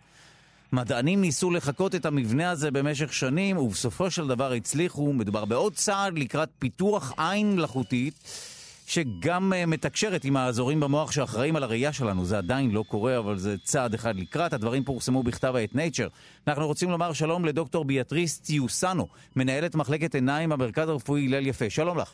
שלום. אנחנו נשמח לשמוע מה הבשורה במחקר הזה. הבשורה במחקר הזה זה לקבל את הכימור של הרשתית על ידי uh, אלומיניום, ודרכו האלומיניום שמקבל את הצורה של הרשתית, um, עם חורים מאוד מאוד מאוד קטנים, כמו מסננת. כן. שדרך החורים האלה יוצאים חוטים, ננו חוטים, עדינים מאוד, שהם למעשה עשויים מחומר מיוחד, זה הפוטורספטורים של העין הביונית. זאת אומרת, מה, מה, ממש מחקים את אותם אה, אה, תאי עצב שקולטים את האור בעין? אפילו אה, הם לא מחקים אותם, הם אפילו יותר טובים מהתאי הצו שלנו, של הפוטורספטורים, זה תאי הצו. כן. הם הרבה אולי יותר uh, מעבירים את ה... Uh, את החשמל הרבה יותר טוב, הרבה יותר מהר אפילו. Uh, וגם בנוסף, uh, בעין שלנו יש אזור שאנחנו לא רואים דרכו, בליינד ספוט. זה האזור מאיפה שהעצב הראייה יוצא מהרשתית ומהתעלה של הסקלרה. כן. ברשתית מלאכותית אין את זה, ברשתית החדשה הזאת. זאת אומרת, יהיה הרבה יותר מקום לראות את כל העולם. הרבה יותר טוב, הרבה יותר מהר, הרבה יותר ברור. נשמע שזה משהו שהוא טוב יותר מהעין האנושית. מה, להחליף את העיניים שלנו? וואו, too good to be true. תמיד העין הביונית אמורה להיות יותר טובה מהעין האנושית. אני לא יודעת אם אפשר לזהות פגמים בבני אדם, אבל את התמונה תמיד תהיה יותר ברורה, יותר חדה, יותר טובה. אז, אז בעצם, אז מה נשאר? אז הצליחו לחקות גם את הכימור המאוד מיוחד של הרשתית, וגם את אותם אה, תאים שקולטים את האור אפילו בצורה, באיזו רזולוצ, באיזו רזולוציה טובה יותר, אז מה גם נשאר? את הנוזל. גם, גם את הנוזל. גם את הנוזל בין זה לזה, כן, נכון. מה נשאר? זה החלק הכי מסובך. זה האינטגרציה המוחית של מה שאנחנו מקבלים. כמו שאמרתי לך, לזהות תמונה ברורה זה דבר אחד, ולזהות פגמים ולזהות את הנפש של הבן אדם ואת המוח שלו זה משהו אחר. אז המעבר אה. בין הרשתית למוח זה עדיין... זאת אומרת שברגע שימצאו דרך לחבר גם את המכשיר הנהדר הזה שפותח למוח, שם זה, זה באמת ייתן מזור להרבה אנשים שלא מסוגלים כן. לראות, אבל זה עדיין כן. לא קורה, כן. אנחנו עדיין לא יודעים לחבר את האיבר המלאכותי הזה למרכזי הראייה במוח. זה לא מספיק טוב, גם אם יודעים לחבר, לא וואו. לא מחברים את זה מספיק. זאת אומרת שעדיין, גם אם הצליחו לייצר משהו שממש מדמה את העין האנושית ואפילו קולט את האור טוב מהעין האנושית, כן. עדיין אי אפשר לחבר כיום, לא יודעים לחבר כן. את הדבר כן. הזה למרכזי הראייה, כך שהמידע יגיע ברמת הפירוט שאני רואה, אבל אולי בעתיד זה מה שיהיה. קרוב לוודאי שכן. העתיד כבר כאן. וואו. טוב, זה באמת אה, נשמע מדהים, אז שוב אה, נחזור על הפרטים. מדובר בסוג של עין מלאכותית, נכון? הכימור עצמו של הרשתית, הנוזל עצמו, ואפילו התאים שקולטים את האור. נכון. כל נכון. אלה מרכיבים מן עין מלאכותית, שרק הדבר היחיד אה, שמפריד בין אה, היכולת שלנו לראות באמצעות העין אה, בצורה טובה, זה החיבור למרכזי הראייה במוח. זה יהיה הגביע הקדוש של כל העניין. אמת. נכון. וואו. טוב, תודה לך על השיחה הזו, מנהלת מחלקת עיניים במרכז הרפואי הלל יפה, דוקטור ביאטריסט יוסנו. תודה לך. בשמחה רבה. ביי.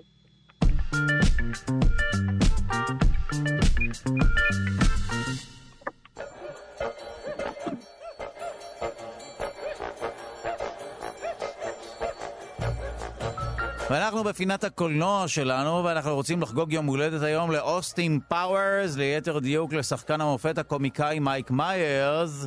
שלום לאיש שלנו בהוליווד, יונתן גת לשעבר, ג'אט מרצה לתרבות, עורך ומגיש התוכניות פסטיבל, כאן וגיבור תרבות וכאן תרבות, שלום! לא שכחת איזה קרדיט? סתם, אני צוחק. היי דודו, מה נשמע? עוד רגע אנחנו מבטלים את התוכנית של גואל אחרינו מרוב שאתה עטור פרסים וקרדיטים ומזקים. ומזקים. אנחנו חוגגים יום הולדת לשחקן, אה, לקומיקאי אהוב במיוחד. מאוד, וגם חריג מאוד. כן, מעניין. למה חריג? מכיוון שמייק מיירס מגיע כאילו מהממסד האמריקאי הכי שמרני, הכי, אתה יודע, כזה שלא רוצה לטלטל את הספינה, ולממסד הזה קוראים Saturday Night Live של שנות ה-70. אנחנו לא מדברים על Saturday Night Live של היום, אבל אז זאת הייתה, אתה יודע, פרודיה על תוכנית חדשות. כן. וזה היה הומור די, אה, איך לומר, די סטנדרטי. הם ניסו לעשות בסגנון מונטי פייתון, אבל יצא להם מאוד, אה, אתה יודע, בארצות הברית הפוליטיקלי קורקט הורג אותם. כבר אז? אבל זה, זה, כבר זה חי כבר אז? כן? אוקיי, מעניין. כבר, כבר אז, שנת 1976, כשהתוכנית הזאת הייתה בשידור. אה, היה להם קשה, היה להם קשה להתפרק. ומי שלקח את ההומור הזה והפך אותו לקצת יותר ילדותי, זה מייק מיירס. הוא uh, התחיל uh, uh, לעסוק בהומור טורדני, הומור שיש פה מין סוג של הפרעת קשב וריכוז. אתן לך דוגמה, למשל בסרט אוסטין פאוורס, יש רגע שהוא רואה אדם מולו שיש לו שומה על הפנים. וזהו, ואז הוא לא מפסיק לדבר על זה.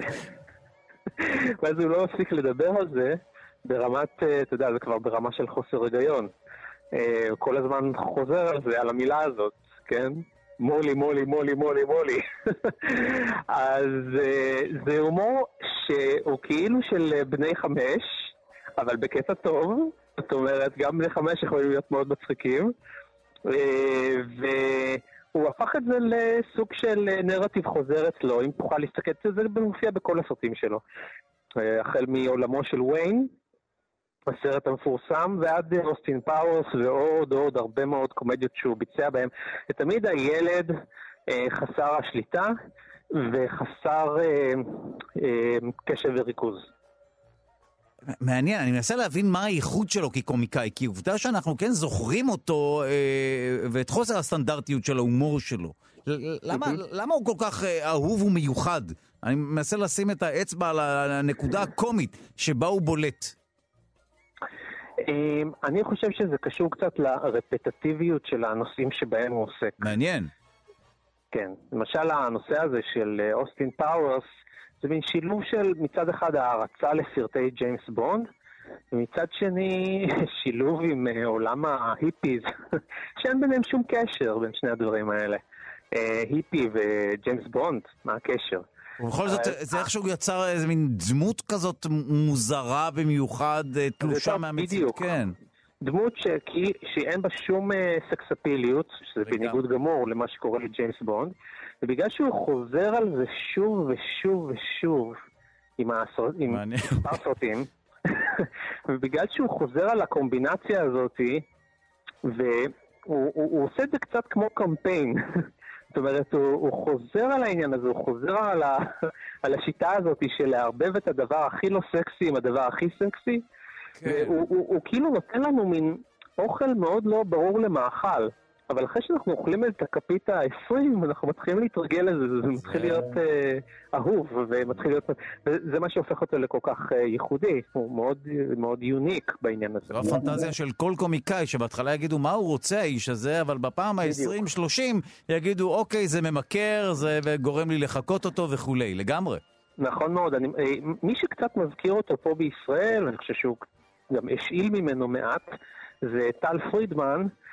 שבתחילת הדרך אף אחד לא הבין מה הוא רוצה, המשוגע הזה. מעניין. אבל לאט לאט, ככל שהוא הקפיד והתמיד, אני מזכיר לך שחלומות בהקיציס וכאלה, זו הייתה תוכנית אה, נישה, שלאט בהתחלה, לאט נכון. פרחה. העונה הראשונה נכון. הייתה נישתית ולא ברורה, ואז מהעונה השנייה זה משהו שהפך להיות קלט. ברבות הימים זה הפך להיות היסודות שעליהם אה, הם בנו את אה, ארץ נהדרת. בדיוק, בדיוק. כן. וטל פרידמן, מצחיק מאוד, הפך להיות לשיא הקונצנזוס. שזה נכון. די מדהים, כי הוא היה אדם שאנשים הסתכלו עליו כתימהוני. אז ככה גם לגבי מייק מיירס, זה בדיוק אותה שיטה. מעניין. אה, מייק מיירס עסק בבאמת דברים מאוד מוזרים, כמו שאמרנו מקודם, וככל שהוא חזר עליהם יותר והתמיד, והוא הוא, הוא לא, הוא לא אה, ניסה להיות מקובל, הוא לא ניסה להיות בהומור הרגיל, לא ניסה ללכת בתלם, וכנראה שככל שאתה דופק על הראש עם אותה... אה, טכניקה, אז כנראה בסופו של דבר זה נקלט. אתה נותן תקווה להרבה מאוד קומיקאים תימהוניים ש... ש... שחולמים יום אחד. אני לא בטוח שהם חולמים להיכנס לקונצנזוס או להיות חלק מהקונצנזוס, כי, כי אתה יודע, להיות בשוליים יש לזה את החן שלו, ואתה יכול לעשות דברים שאתה לא יכול נכון. לעשות וכולי, אבל בדיוק. אולי, אולי כשאיפה כלכלית זה משהו שכולם רוצים, שהקונצנזוס יחבק, ואז אתה מופיע הרבה. אבל זה באמת נגיד, ניתוח מעניין. צרות כלכליות למייק מיירס אין. לא, האמת שאני פגשתי אותו פעם אחת בחיי כשהוא עזר לאיזשהו סטודנט, סתם הייתי לי בניו יורק וראיתי אותו כאחד האדם אה, מסביר לסטודנט איך לצלם סרט בשיא החביבות, היה לגמרי נגיש ואמרתי לו שלום. וואו. ואני ממש זוכר את זה כחוויה מאוד נעימה ולא הוליוודית, אלא יומיומית, כיפית כזאת. וואו, אתה יודע ש... אה, מונטי פייתון בחרו בו להופיע יחד איתם באיחוד הגדול שלהם בלונדון אה, כאחד מאורחי המופע, וזה די מדהים, הוא אה, על הבמה לא הצליח להתאפק והוא אמר להם שהם הדבר הכי טוב שקרה לאנושות. וואו. זה מעניין איך בן אדם שבאמת התחיל מ-Saturday Night Live, התוכנית המעונבת אז, הגיע לבמה של מונטי פייתון כאורח כבוד, זה מסלול מדהים. מעניין, מעניין, ושוב אה, אדגיש את המשפט שאמרת, נותן תקווה לאנשי שוליים בתחום ההומור. בדיוק, חד משמעית. כי במיינסטרים אי אפשר לבשל שום דבר, רק בשוליים, ואז זה אולי מחלחל. למיינסטרים, לגמרי, זה לגמרי. כל קומיקאי גדול בהיסטוריה אמר. ברגע שתיקח את הקומיקאי ותבשל אותו, כמו שאמרת, במיינסטרים, הרגת אותו. הרגת לגמרי. וואו, תודה לך, המרצה לתרבות, עורך ומגיש התוכניות פסטיבל כאן, וגיבור תרבות וכאן תרבות, האיש שלנו בהוליווד, יונתן גת לשעבר ג'ת. תודה לך. תודה, דודו. מה גורם למחלות אוטואימוניות? מדעני מכון ויצמן למדע מציגים מודל המסביר מדוע המערכת החיסונית שלנו תוקפת את הגוף. המחקר מנסה בין היתר להתמודד עם השאלה מדוע יש מחלות שבהן הגוף תוקף רק איבר אחד ספציפי, בעוד שבמחלות אחרות זו תקיפה רב-מערכתית. מי שהובילה את המחקר היא יעל קורן כהנים, תלמידת מחקר במעבדה של פרופסור אורי אלון במחלקה לביולוגיה מולקולרית של התא. הממצאים התפרסמו בכתב העת המדעי אימיוניטי והיא נמצאת איתנו על הקו. שלום לדוקטורנטית יעל קורן כהנים מהמעבדה של פרופסור אורי אלון במחלקה לביולוגיה מולקולרית, מכון ויצמן למדע. שלום. שלום, בוקר טוב. וואו, חתיכת, אני מציג את זה כעוד אייטם בתוכנית, אבל זה חתיכת דבר, להבין למה הגוף תוקף את עצמו. אנחנו מכירים הרבה מאוד מחלות אוטואימוניות, אבל לא תמיד אנחנו יודעים מדוע זה קורה.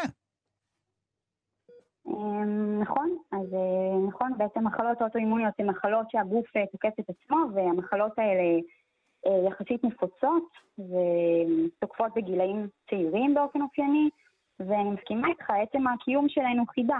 כאילו, למה, למה שהגוף יתקוף את עצמו בעצם? לגמרי, ואנחנו באמת בשנים האחרונות נתקלים יותר ויותר במחלות אה, ש, שבהן אה, הגוף תוקף את עצמו, מערכת החיסון תוקפת את הגוף, ואנחנו לא תמיד יודעים למה זה קורה. אז מה המודל שלכם אה, אה, יודע להסביר לנו? אז בעצם אנחנו נהוג להפריד בין שני סוגים של מחלות אוטואימוניות, אז כמו שהזכרת, מחלות סיסטמיות שתוקפות את הגוף כולו, ויש מחלות שתוקפות איבר אה, מסוים, למשל כמו בסכרת, נעורים, שהלבלב נתקף, או, או במחלת השימוטו שתוקפת בבלוטת התריס. אה, ובעצם מה שאנחנו שאלנו זה למה איברים מסוימים נתקפים ואחרים לא, ובכלל למה בלוטות אנדוקריניות, בלוטות שפולטות הורמונים, הרבה פעמים הן אלה שנתקפות. זאת אומרת שבמסגרת המתקפה הזו של הגוף את עצמו, הוא תוקף בעיקר תאים שאחראים על ייצור הורמונים. נכון. כן, נכון. אוקיי. וזה דבר ידוע ולא כל כך מובן, ובאופן כללי, בדרך כלל נהוג לחשוב על מחלות אוטואימוניות כאיזושהי טעות בזיהוי. זאת אומרת, לא אמורים להסתובב בגוף תאי מערכת חיסון שמזהים, שמזהים את, את תאי הגוף, ויש מנגנונים שאמורים למנוע את זה, אבל לפעמים מה לעשות זה קורה, ואז התוצאה היא מחלה. אה, ומה שאנחנו מציעים בעצם במחקר שלנו זאת השקפה קצת אחרת. אה, אז אנחנו אמרנו בעצם, אוקיי, מערכת החיסון מזהה תאים בגוף, וזה קורה לעיתים יחסית קרובות, אולי זאת לא טעות. אולי יש לזה סיבה.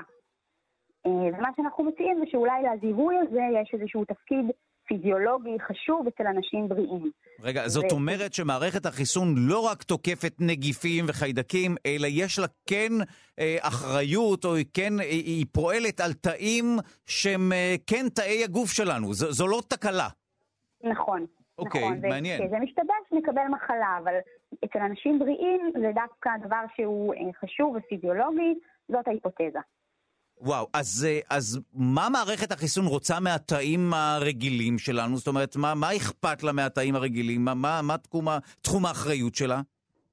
אה, כן, אז, אה, אז באמת כאן הלכנו על זה שאנחנו באמת יודעים שמה שנתקף הרבה פעמים זה הבלוטות שמפרישות הורמונים. ומה שמשותף לבלוטות האלה הוא שהן צריכות לשמור על ההורמון שהן פולטות ברמה קבועה. זאת אומרת, לא, לא גבוה מדי ולא נמוך מדי, בדיוק ברמה שצריך. אמ, אז אם אנחנו חושבים על בלוטת התריס, המטרה שלה לשמור על הורמוני בלוטת התריס ברמה קבועה, שהם מבססים את המטאבוליזם בגוף, זה מאוד חשוב. אמ, אז כשההורמונים האלה נמוכים מדי, יש בעצם לולאת משוב, שגורמת לבלוטה לייצר עוד מהם. ואותה לולאת משוב גורמת לבלוטה גם לגדול ולהתחלק ככה שלאורך זמן, אם ההורמון נמוך, אז הבלוטה תוכל לספק יותר הפרשה. כן? אמ, הבעיה שכשתאים מתחלקים, קורות מוטציות, וחלק מהמוטציות משבשות את מערכת החישה של התא. אז הוא לא יודע יותר לקרוא נכון את רמת ההורמון בדם.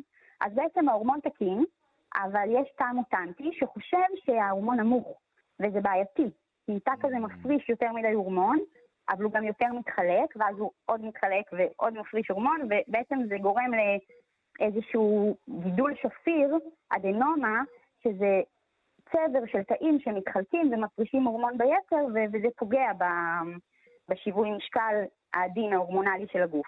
ואז מה מערכת החיסון עושה כשיש את חוסר האיזון הזה? אז מה שאנחנו זיהינו זה שבעצם לתאי מערכת החיסון יש את היכולת לזהות, לפחות בפוטנציה, לזהות תאים מוטנטים כאלה ולחסל אותם. וואו. תקשיבי, אני מבין אה, שהציבור עצמו מקשיב להרבה מאוד משדרי אקטואליה בימים אלה וכולי, אבל אה, אולי אתם ואתן לא יודעים ויודעות, אבל זו, זה הדבר הכי חשוב שתשמעו, לפחות היום. אה, יש פה גילוי מדהים.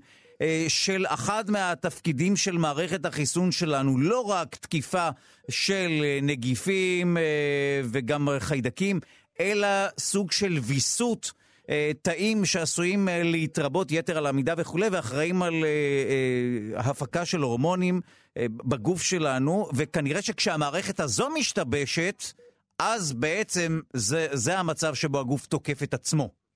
נכון, בדיוק. בדיוק. עכשיו, חשוב רק להגיד שהדבר הזה הוא עדיין בגדר היפותזה, כן? עדיין אין ניסוי שמראה את זה, mm. ומבסס את זה באופן חותך. אוקיי. מה שכן, זה אה, מאוד מסתדר עם ידע קיים ועם תוצאות של... אה, של ניסויים קודמים. אבל לפחות זה... זה מסביר כל מיני עובדות שהן לא מוסברות. אני, אני מבין שזה עדיין לא הוכח, אבל זה לפחות מסביר את, אה, את האפשרות אה, שמערכת החיסון היא, כן יש לה תפקיד אה, גם בכל מה שקשור לתאים הטבעיים שלנו, ויכול להיות שהשיבוש הזה בפיקוח הזה הוא זה שיוצר את המחלות האוטואימוניות, או לפחות את חלק מהן. יכול להיות שזה גם נכון מסביר את חלק מהן. נכון מאוד, זאת בדיוק ההיפותזה. וזה באמת מסביר למה למשל, כן ידוע, למשל, שבאנשים בריאים יש תאים של מערכת החיסון שיודעים לזהות סלס, שיודעים לזהות את תאי הגוף. אז זה מסביר בעצם למה, ולא טעות, הם, הם אמורים להיות שם. ויותר מזה, הדרך ש, שהתאים מזהים את התאים של הגוף, זה בדיוק על ידי זיהוי המכונות שמשמשות את התאים להפריש את ההורמון. וואו. זאת אומרת, יש להם בדיוק את ה...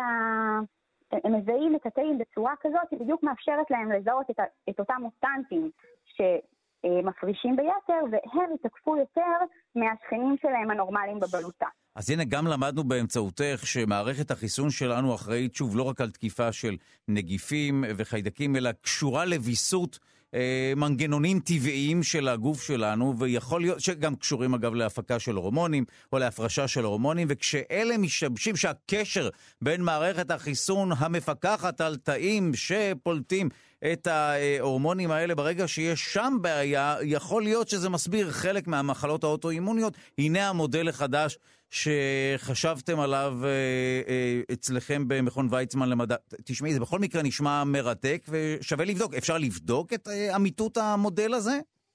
אז אפשר, כן, ואנחנו עובדים על זה בשיתוף עם המעבדה וואו. של ניר פרידמן מהמחלקה לאימונולוגיה פה בוויצמן, שהם גם יהיו שותפים למחקר הזה. אולי עוד משהו ששווה להזכיר, שיש פה, איזושהי, שיש פה איזושהי פרדיקציה אה, שבעצם ברקמות או בבלוטות שלא חוטפות מחלות אוטואימוניות, כמו שאמרנו, זה לא תוקף את כל הבלוטות במידה שווה, אז אה, יהיה אה, איזשהן מחלות אחרות שקשורות להפרשת יתר ולהתחלקות של תאים, ובאמת גם את זה אנחנו רואים. וואו. אז למשל בבלוטת יוטרת התריס, שנמצאת ממש בצמוד לבלוטת תריס אבל לא חוטפת, אז בה יש מחלה של, שנקראת הייפר פארתיירואידיזם, זו מחלה מאוד נפוצה אצל נשים בגיל המעבר, של בעצם אדנומה, תאים שמתחלקים ופולטים יותר מדי מההורמון שמפרישה הבלוטה הזאת. אז זה עוד איזושהי עדות ש... אמ, שזה עלול להיות נכון. תשמעי, אותי שכנעת, עזבו, לא צריך לבדוק, אותי אה, שכנעת. וואו, זה באמת אבל מרתק, גם כתיאוריה או גם כמודל זה מרתק. תודה רבה לך, דוקטורנטית. יעל קורן כהני מהמעבדה של פרופ' אורי אלון במחלקה לביולוגיה מולקולרית במכון ויצמן למדע. תודה רבה לך. תודה רבה.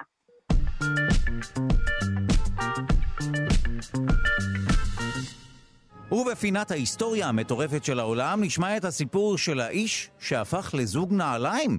שלום לעורך ומגיש ההסכת מנהר הזמן בכאן תרבות, ערן מנהר. אהלן דודו. היה איש כזה? כן, קראו לו ג'ורג' פרוט, כמו, קצת כמו תוכי, אבל זה היה השם.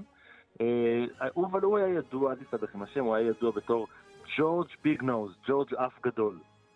אה, הוא חי בימים של המערב האמריקאי הפרוע, סוף המאה ה-19, וכפי שאתה כבר מבין, היה לו אף גדול.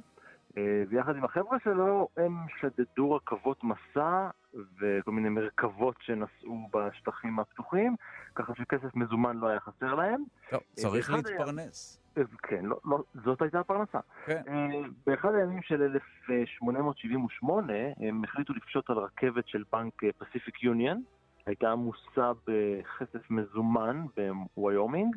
אה, הם חיבלו במסילה כדי שהרכבת תרד מהפסים והמתינו.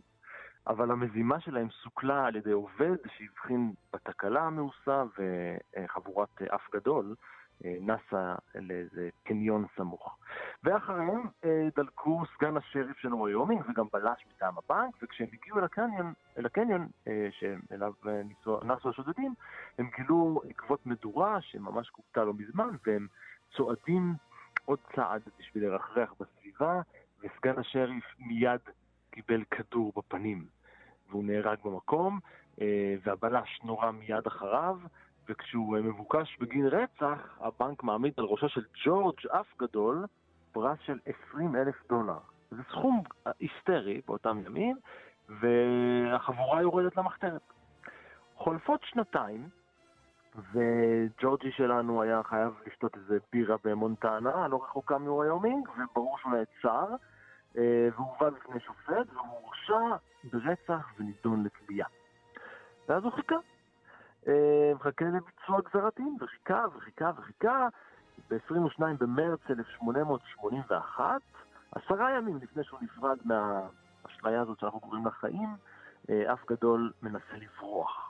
הוא משחרר את עצמו מהשלשלאות, אמ, שכבלו אותו, אתה יודע, לקירות אז בכלא, כן. שובר את הגולגולת של אחד הסוהרים, אה, ולמרות זאת הפצוע הזה מצליח לקרוא לאשתו, לא יודע למה, מכל, הסיפ, מכל האנשים בעולם, והיא תופסת את האקדח שלו ומתכוונת אותו אל ג'ורג' ואומרת לו בחזרה, כנס לתא בחזרה.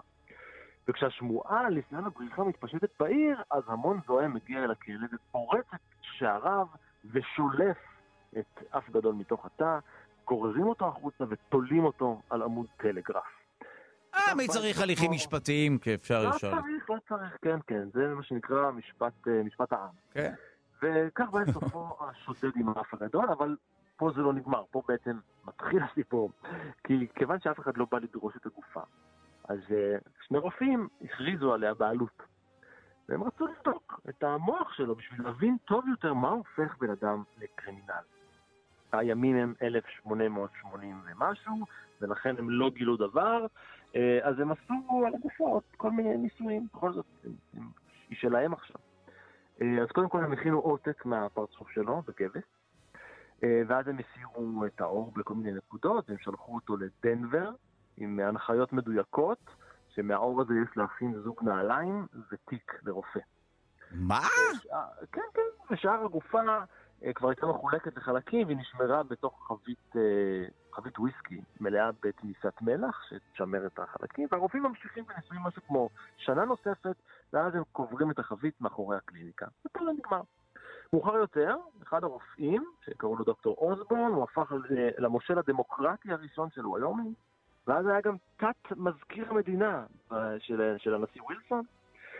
בטקס ההשבעה שלו כמושל, הוא נעל את נעלי הג'ורג' שלו. אה, ועוד קצה מהגולגולת המנוסרת אה, עבר אה, מיד ליד עם השנים, וברוב הזמן הוא... סיפורים סיפרו שהוא שימש כמאפרה וכמעצור לדלת. רק בשנת 50, 1950, נחפרה החבית עם העצמות במסגרת עבודות בנייה במקום, ובתוך החבית נמצאה גם הגולגולת המנוסרת וגם זוג נעליים. כל מה שנותר מג'ורג', אגב, מוצג כדרך קבע במוזיאון, במחוז קרבון בוויומינג. אוקיי. אה, התיק, אגב, אה, מעולם לא נמצא. זאת אומרת, יש חלקים של ג'ורג' שמסתובבים, לך תדע, לך תדע. וואו, עד כאן הסיפור על האיש שהפך לזוג נעליים. תודה רבה לך, עורך ומגיש ההסכת מנהר הזמן בכאן תרבות, ערן מנהר. תודה. ביי ביי. ואנחנו הגענו לסיומה של השעה השנייה שלנו. ראשית נודה לעורך רד חסון, המפיקה היא אלכסנדר לוי קר, לביצוע הטכני די.ג'יי אלון מקלר, תודה רבה ליגאל שפירא שמלווה אותנו. אתם מוזמנים להאזין לשלושה שיודעים גם בשידור החוזר, בשבע בערב, גם כהסכת בכל זמן ובכל מקום באמצעות היישומון של כאן. אנחנו גם בספוטיפיי וגם באפל, שיהיה לכם יום נעים ושקט, ואנחנו נהיה פה מחר עם תוכנית חדשה להתראות.